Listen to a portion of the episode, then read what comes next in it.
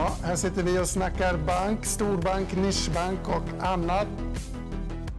Bitcoin, blockkedjeteknik och kryptovalutor har ju exploderat. Hej och välkommen till Fintech-podden. Podden där vi snackar innovation inom teknik och finans och där vi varje, eh, varje avsnitt djupdyker inom ett område.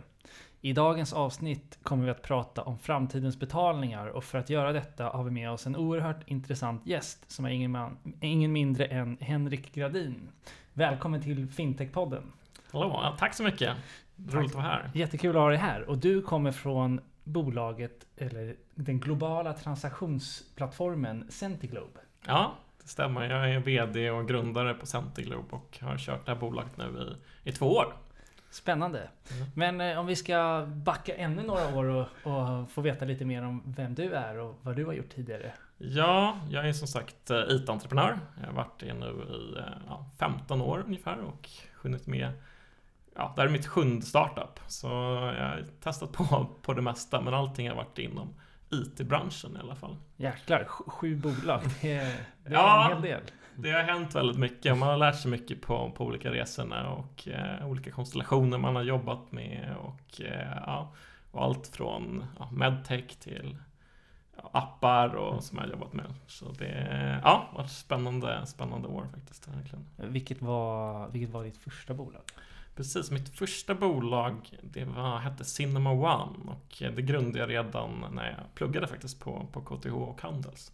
Så vad vi tänkte göra där är att eh, vi skulle visa film online, lite som Spotify fast för film. Mm. Och eh, det här var ju redan 2005 då och så ringde vi runt till filmbolagen och så sa vi så här, hej vi vill liksom visa film online. Och så filmbolagen, jaha, ska ni då skicka hem DVD-skivor? Nej, men vi ska visa det på datorn. Ja. Jaha, kan man göra det? Sa filmbolagen då. Och man så här, ja, man kände redan då att man, lite så här, man var före sin tid hela tiden. Eh, och, eh, och så det är mycket, mycket kämpande liksom. Om man ska vara entreprenör så är det ja, bryta barriärer liksom och Mm. förändra. Och det är väldigt mycket traditionellt tankesätt som folk har. Och, som man måste förändra och visa att det här kan man göra liksom, med ny teknik. Så det, det var mitt första bolag. Så att, eh, men redan då tänkte jag lite på fintech faktiskt. Ja, vi satt i eh, Handelsinkubator där Mhm. precis när Kreditor, det vill säga Klarnas hette ju Kreditor förut. De hade Mm. precis flyttat ut när vi flyttade in där. Hypen var på gång. 2005 Ja. ungefär, ja, 2006 kanske det var. Och eh, det var roligt, men då, jag har hela tiden gillat liksom ja, börsen och finansiella system. Så, men eh, jag har inte hittat några bra fintechbolag för, förrän nu då. Så att, eh, men redan då började jag tänka lite, lite fintech Ja. i alla fall. Det är ju lite så fintech-historia verkligen. Ja, verkligen. Alltså för mig är det det är kreditor egentligen, det är de riktiga liksom. Klarna, det var, så här, det var konstigt när de ändrade namn här för några år sedan, men nu är ju alla vana vid Klarna.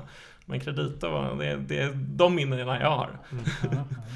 Men efter några år se- senare så nu tillbaka lite in i fintechvärlden Ja, igen, liksom. Vad fick er att starta Centiglobe? Ja, eh, egentligen jag, jag drev då ett par andra bolag och sen så sålde jag ett, eh, ett medtechbolag i ja, 2015 eh, och sen så var jag ute och reste egentligen för jag ville hitta nya affärsidéer.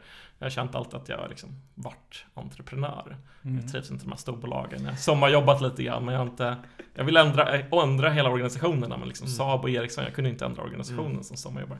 Så jag har alltid velat vara entreprenör. Så, men jag var ute och reste efter jag sålde mitt medtechbolag och letade, scoutade affärsidéer. Egentligen. Och eh, men jag hittade inget riktigt bra. Jag hade en lång lista på massa Mm. affärsidéer, så jag utvärderade dem och så. Men sen så när jag kom tillbaks till Sverige här, då mm, var det en som ville ha ett möte om, om blockchain. Mhm. Jag kände ju till bitcoin sen, sen liksom 2009-2010 när det startade och jag aldrig riktigt gillat det där liksom med, ja, det känns som ett pyramidspel och mina mycket strömförbrukning och regulatoriskt oklart. Så det var ju synd att jag inte gick in liksom 29 då, Ja, men, ja, ja. så jag har aldrig gillat det här, men tänkte att jag ska på det här mötet nu, jag kan inte bara gå och säga att jag inte gillar det. Då, så, att, ehm, så då äh, läste jag på lite mer, så att äh, jag läste lite olika papers. Jag har ju forskningsbakgrund också på KTH, så Mm. van liksom med, med research-studier. Så jag kollade lite mer exakt liksom hur, hur bitcoin fungerar, vilka problem är och definiera det.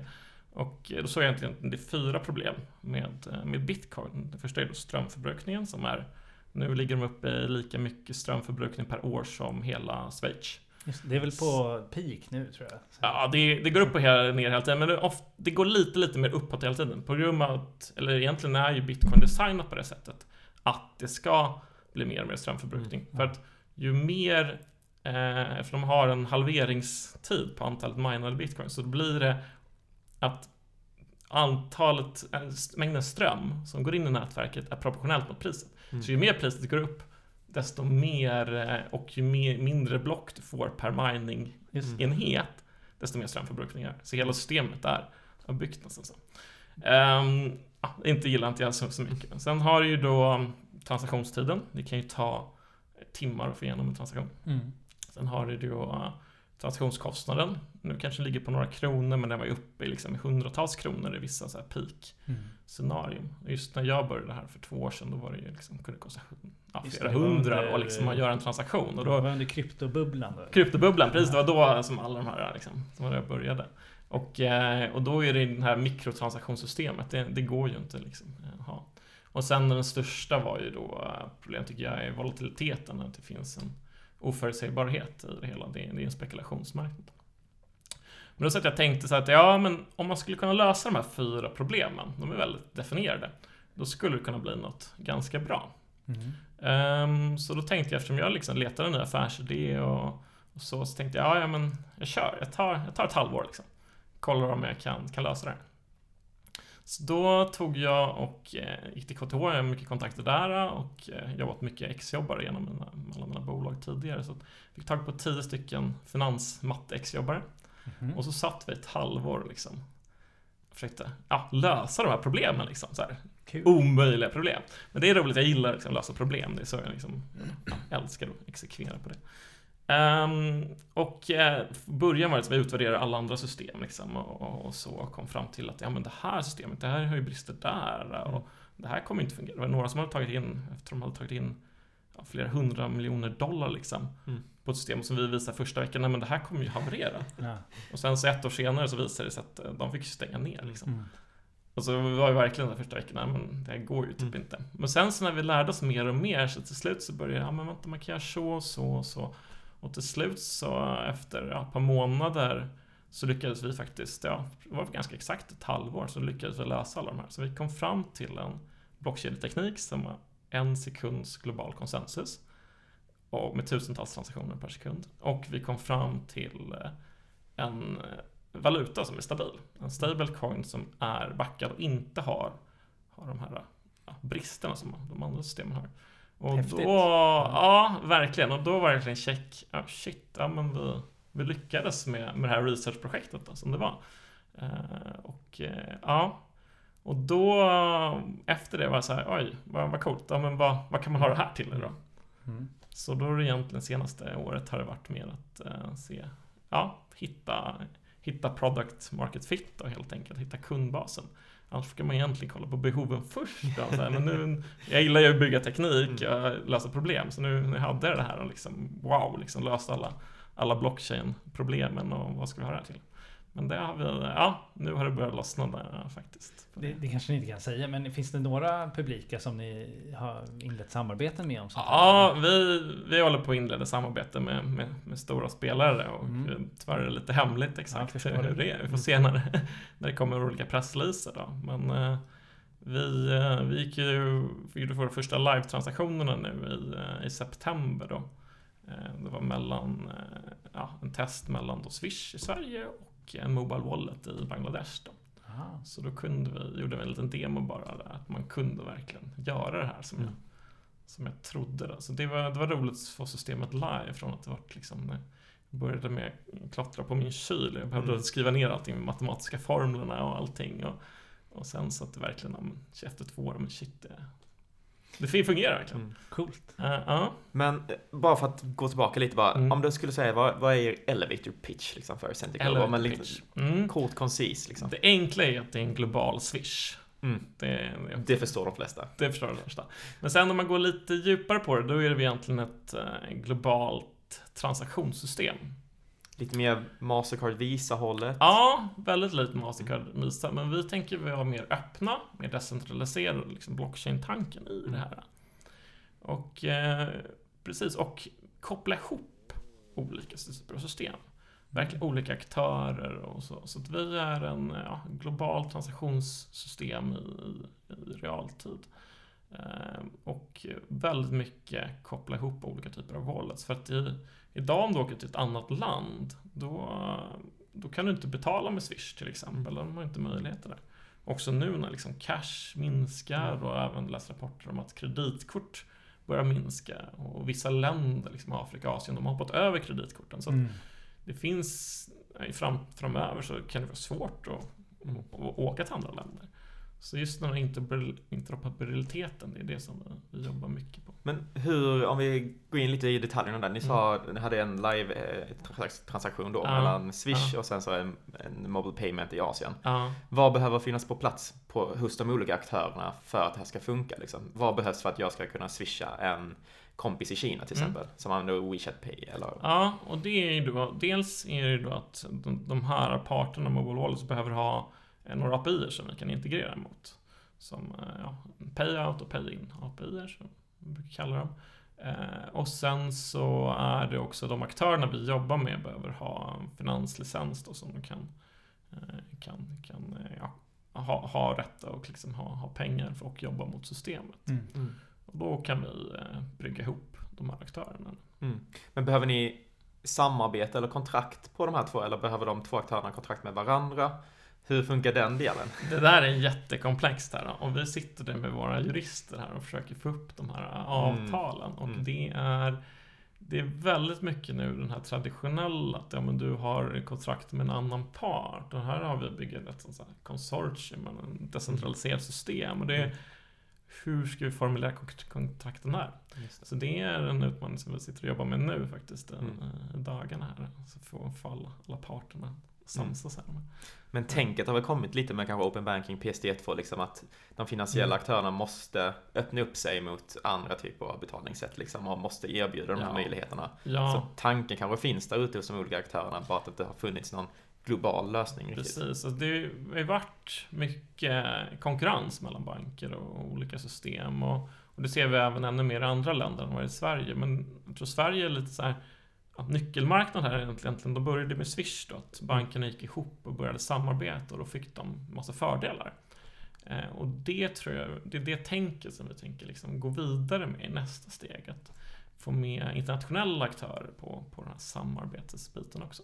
Sen så är det ju då PSD2-direktiven eh, som har gjort att eh, bankerna blivit lite mer öppna för, för olika typer av tredjepartsaktörer. Då. Så det, det är underlättat då.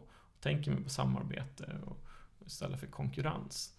Så det, det har underlättat att han har börjat, eh, börjat med det. Mm. Mm. Men tänkte lite på det här med, du nämnde tidigare om stablecoin och Mm. sånt. Eh, hur funkar det i, i Centiglobes fall då? Kommer det finnas någon, någon Centiglobe coin eller är, Ja. kommer, kommer liksom själva användaren någonsin att interagera med den typen av coin? Eller sker det under the hood? Ja, så vi har designat en, en stablecoin i det här systemet som är, som är 100% backad. Eh, Det är vi. Så det ska inte finnas några kreditrisker. Nu ju våra analyser här pekat på att vi egentligen har lägre kreditrisk i vårt system än vad eh, ja, Sveriges Riksbank har i första utlåtandet vi fick här Ja. för för ett tag sedan. Det har varit många frågor till vad är kreditrisken? Nej, men nu, nu har vi kommit fram till det. Mm. Så det, det är roligt att vi äntligen fått den, den stämpeln. Ja, ja. Bra stämpel att ha. Ja, från, från, från eh, externa parter som man säger. Så det, det, det är roligt. Då. Och sen så är det då så att det finns möjlighet framöver att, eh, att, då, att privatpersoner kan ha det här. Men vi ser det mer som att det är troligt att det är fortfarande paymentinstituten och det är bankerna och liknande som som eh, kom, använder plattformen egentligen och, eh, och bygger tjänster på det för, för slutanvändaren då. Så det, det går att interagera direkt. Jag tror snarare kanske större företag har, har behov av att interagera direkt med Men- en privatperson. Vad är den egentliga anledningen till att man har, eller ni har er egen coin? Är det för att de olika aktörerna, är det kostnaden för att använda er infrastruktur betalas i den här? Eller? Nej, nej, nej, utan det, det, det har vi inte. Utan det är, ja, det, det, eller det gör den också. Så, men det är mer för att de ska kunna ha en, en, ett gemensamt sätt att för, föra pengar. Mm. Ehm, Så i dagsläget är det dollarn ofta som, som man går via för att ja, ha någon common ground. Liksom. Eh, Och då är det här liksom ett eh, digitalt alternativ för att ha en, en common ground. Det är därför Så det är den enkelt. här växlingsdelen? Ja, kanske då, precis. Så egentligen är vad vi ger egentligen är ett eh, ja, multi-currency multilateral netting system är egentligen Mm. det komplexa Mm. begreppet på, på vad vi är. Mm. Ehm, så det är egentligen en, en virtuell valuta som, som används bara för att växla mellan alla parterna i realtid. Mm. Så vi, så vi har precis ett realtidsväxlingssystem för multipla valutor. Mm. Det, det är egentligen det som är Och vad vi är. stablecoinen används då för... Ja. Men, men eh, eh, ja, många andra har ju läst mycket om Riksbanken och Mm. e-krona-projekt och sådär. Det här får mig att tänka på att Mm. det kanske är någonting som skulle kunna användas för Ja. CBDCs, Central Bank Digital Currencies. Ja, så, är det. Och då, vi, vi kan använda systemet för det. Mm. Eh, det vi, uppfyller de flesta av de liksom, eh, kraven som, som finns på ett sånt typ av system. Men där eh, har jag lite annan åsikt för eftersom det är centralbank centralt, då är det en, en central part som har det här. Mm. Då har du inte riktigt behov av blockchain, för blockchain är decentraliserat. Mm. Så att om du ska ha ett snabbt centralbanksystem så är det egentligen bättre att egentligen ha ett centralt system som, som inte har, ja, nu har vi tagit bort många begränsningar av blockchain men det är fortfarande ändå lite långsammare ett, ett centralt system. Mm. Så jag ser att det finns ett, hypen blockchain har, har blivit att kanske gått för långt att centralbanken egentligen inte behöver ha, Mm. ha de här e-kronorna. Ser jag det som. Men däremot om centralbankerna skulle vilja kommunicera mellan varandra då är det ett stort behov av, eh, av blockchain-lösning då. Och där skulle vi då det, där skulle vi verkligen kunna komma in och Det ha som- löst alla de grejerna. Det som kallas, tror jag, wholesale CBDC. När, när centralbankerna kan flytta Ja. pengar mellan varandra. Ja. Ja, det, det är det är möjligt. Att, Ja. eh, Ja, så, men- så det är framförallt allt är vi multi-currency, alltså Mm. multi- multipla valutor när du ska handla med det. Det är det som är vår styrka. Mm. Och sen i framtiden kan även andra typer av tillgångar som man skulle kunna handla i systemet. Men om vi kollar lite mer framöver, liksom, ni har er lösning på gång. Ser du några andra så generella trender runt om i världen? Eller utvecklas det olika snabbt här i Europa versus Asien?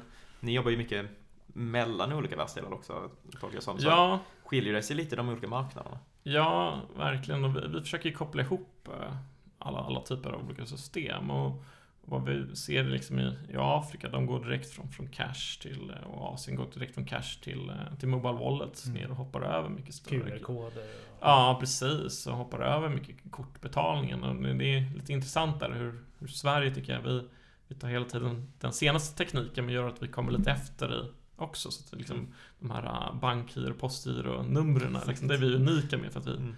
Vi vill hela tiden små effektiviseringar. Mm. Ehm, men då blir det, nu har vi kommit in, in med Mobile Wallets också med Swish då, men eh, ja, kommit ikapp där. Men andra, andra, platt, andra länder har ju ja, helt liksom eh, hoppat över stegen, hoppat direkt till Mobile Wallet och liksom default. Ehm, så men det är, ja, det är olika interoperabilitet, men snarare skulle jag säga att API-mässigt så är ju oftast Mobile Walletsarna mer förberedda. Nu är PSD2 kommit så det är Mm. lite, lite bättre liksom i, i den europeiska marknaden. Men annars har ju ja, oftast eh, Mobile Wallets har bättre API och Mm. enklare att integrera för oss. Kommer oftast kanske från ett techbolags sida Ja. liksom, så de kommer Ja. med tekniken i grunden och inte som Precis. bankerna kanske. Precis. Ja. Men eh, vad, om vi försöker, jag vet att det är svårt att blicka in i framtiden så här, men vad, vad tror du? Hur tror du det kommer förändras i, i payments de kommande liksom, tio åren? Eh, kommer vi ha en global världsvaluta eller kommer vi ha massa valutor som är fullt Mm. interoperabla? Ja, vi hoppas ju och tror på, på vårt system, för det tycker vi checkar, checkar alla, alla boxarna. Men vad jag tror att det, det kommer inte vara en, en central spelare, eh, det tror jag inte, utan det kommer ju vara eh, väldigt många eh, nischade aktörer som sen så till exempel kan jobba mot vårt system för att uppnå den här globala interoperabiliteten. Mm. Så, så tror vi väldigt mycket på att det blir ännu mer nischade behov och, och Payments är en, en standardprodukt som man kan koppla in sig mot Centiglobe och, och förmedla sina transaktioner till andra parter.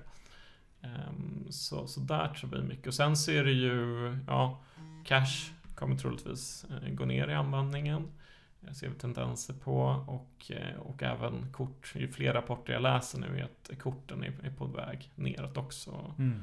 Eh, Så, så vi tror stenhårt på, på Mobile Wallets och, och, och sådana liknande.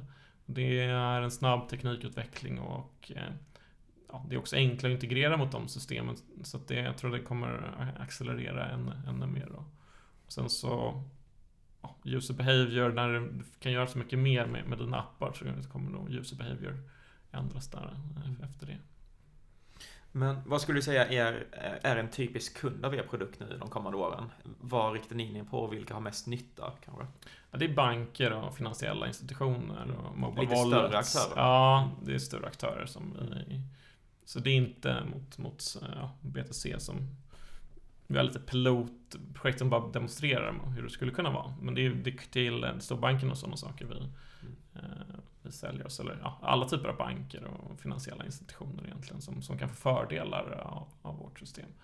Om, om vi backar lite. Mm. Vi har ju redan pratat lite om alla dina Mm. tidigare bolag. Mm. Har du något, någon, eh, något bolag du vill nämna eller varit extra nöjd med eller någon story eller någonting som du vill dela med dig av? Ja. Det är, man lär sig på, på varje, eh, Eh, varje bolag och, och ja, jag älskar att lära mig också. Jag har läst, pluggat väldigt mycket på universitet också. Så det, det skulle jag säga att stor del anledning till också att jag, jag driver eget är för att jag lär mig varje dag. Det är hela tiden nya situationer och, som man kan utvecklas på.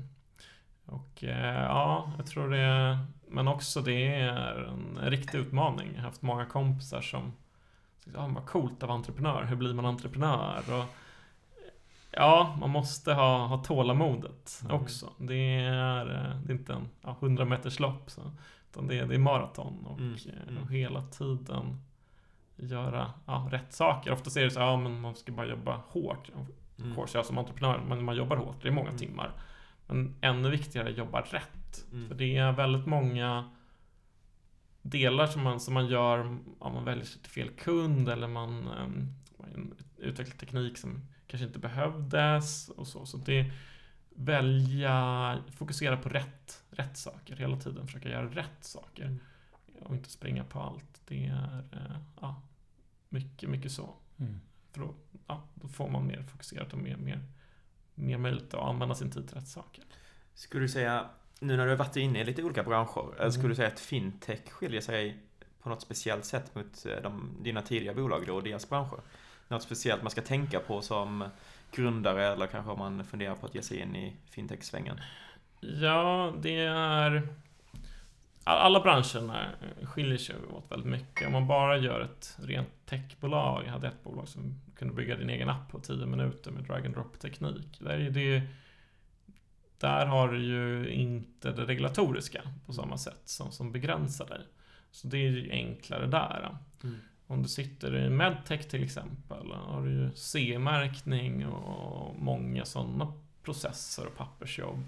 Så det är det regulatoriska som, som, som tar tid. Och det andra är med fintech, då är det också regulatoriska biten som, eh, som, som man måste ta hänsyn till. Så det, det är lite andra, andra saker då. Eh, och sen så är det ju också, eh, ja, fintech nu, tekniken blir det mer ja, öppen och mer modern nu, men det är väldigt mycket legacy-system också i Mm. fintech, ga- jättegamla. Jag hörde nog rykten här nu på, på stan i, i, igår faktiskt om att det, finns fortfarande hålkort kvar i, hos Mm. Riksbanken. Jag vet inte om det stämmer eller inte. Men det, ja. Så det, det känns som det är gamla stor, storsystem och de här stor- stordatorsystem som fortfarande körs. Och det, det gör att det, innovationerna begränsas eller blir jobbigare. Ja. Mm. Så, ja. Så det, är- det är väl det. Och sen så är det väl... Um, jag har jobbat med hårdvara också. Det, då har du olika fysikaliska properties i, i miljön som kan, kan påverka ditt system. Så det, det testade jag en gång, det var mitt medtog-bolag. om det. Men aldrig mer hårdvara, utan Mm. mjukvara är mycket enklare. Då har du mer kontrollerat system i alla fall. Ehm, så det skulle jag säga lite, lite Mm. olika typer Mm. av av På, på tal om System. hårdvara, så här, Mm. i, i publika blockkedjor och sånt, Mm. då kan man ju ofta ha en... Eller ofta, nördar har en hårdvaruplånbok. Ja, Så man kan lagra eh, mm. coinsen då. Precis, det är egentligen sin privata nyckel då, som man, som man Ja. lagrar där. Ja. Är det någonting som kommer gå att göra med, med Centiglobes stablecoin? Eller? Alltså, vi har ju eh, bara nycklar, vi har standard, eh, standardnycklar. Vi kör samma eh, krypteringar i dagsläget som, som bitcoin som krypteringsschema. Då, det är branschstandard. Det finns en ny standard också som vi håller på att kika på som, som, som används. Så då är det det är, de två, två standarderna egentligen, krypteringsstandarderna som används då för privata och publika nycklar då på, på mer avancerat. Och eh, då kan man använda den på, på vilket sätt som helst då. Mm. Ehm, vad vi, vi ser, vi, vi går inte så mycket mot slutkonsument. Eh, Utan det är mer storbolagen och eh, hur deras nyckelhantering ser ut. För, ja, det kommer bli steg för steg. Se hur Mm. vi ska hantera det här olika. Men eh, vad vi försöker också göra mycket mer är att du kan ha multipla nycklar. eh, Så att du, du har en säkerhet på, på hantering där. Alltså du, du gör inte om du förlorar en nyckel som till exempel. Vi har ju hört så mycket om alla Mm. förlorar sina bitcoin-nycklar liksom och så. Men Du, du pratade med en här som Ja. gick in 2013 väldigt naiv. Aj, aj, aj. Ja. Jag hade några bitcoin men förlorade dem sen. Det hade Ja. varit ganska mycket pengar idag men då, Ja. då var det inte många tusenlappar. Men jag var sur i något år. Mm. Sen kom jag in och läste på ordentligt. Ja, ja, det har jag hört. Så vi har multipla nyckelsäkerhet så man kan förlora eller om en nyckel blir stulen och sådana saker så, på, så påverkar det inte systemet. Så vi, vi, tänker väldigt mycket på säkerhet hela tiden. Så. Och för de som inte är så insatta i ny- nycklar och allt det där. Det, det, Mm. man kan väl säga att det är en digital plånbok och en digital nyckel till den här plånboken. Ja, eller egentligen din plånbok är egentligen publik på blockkedjan och, och nyckeln är den som, som ger dig access till och du kan hantera den här Ja. helt enkelt. Eh, Så, så är det. Mm. Ja. Nej men ska vi ta avrunda samtalet? Eh, Det har varit superintressant. Eh, Om vi har några lyssnare som vill läsa mer om er eh, eller kontakta er och har någon idé liksom, vad kan de vända sig då? Ja, hemsidan www.centiglobe.com Där har vi lite information. Sen har vi även en Facebook-sida som vi försöker hålla uppdaterad. Eh, Och ja, så det är enklast är att gå in där också. Och eh, ja, mer frågor så mejla ja, info.centiglobe.com är enklast. Jag försöker svara ganska snabbt där. Och sen är det ju Stockholm Fintech Week nästa vecka. Där kan man träffa er också. Precis. Jag kommer vara med i en eh, paneldebatt där också på, på Decentralized eh, Finance och Blockchain där. Mm. Coolt. Då, då kan man Ja. hugga dig därefter. Ja, det är bara att komma dit. Det händer väldigt mycket nästa vecka. Vi kommer ha en monter också där på, på Mm. torsdagen. Där. Så. Kul. Ja. Ja men superstort tack och jättekul att du var med i Fintech-podden. ja, tack så mycket för att du fick vara här. Jätteroligt. Verkligen.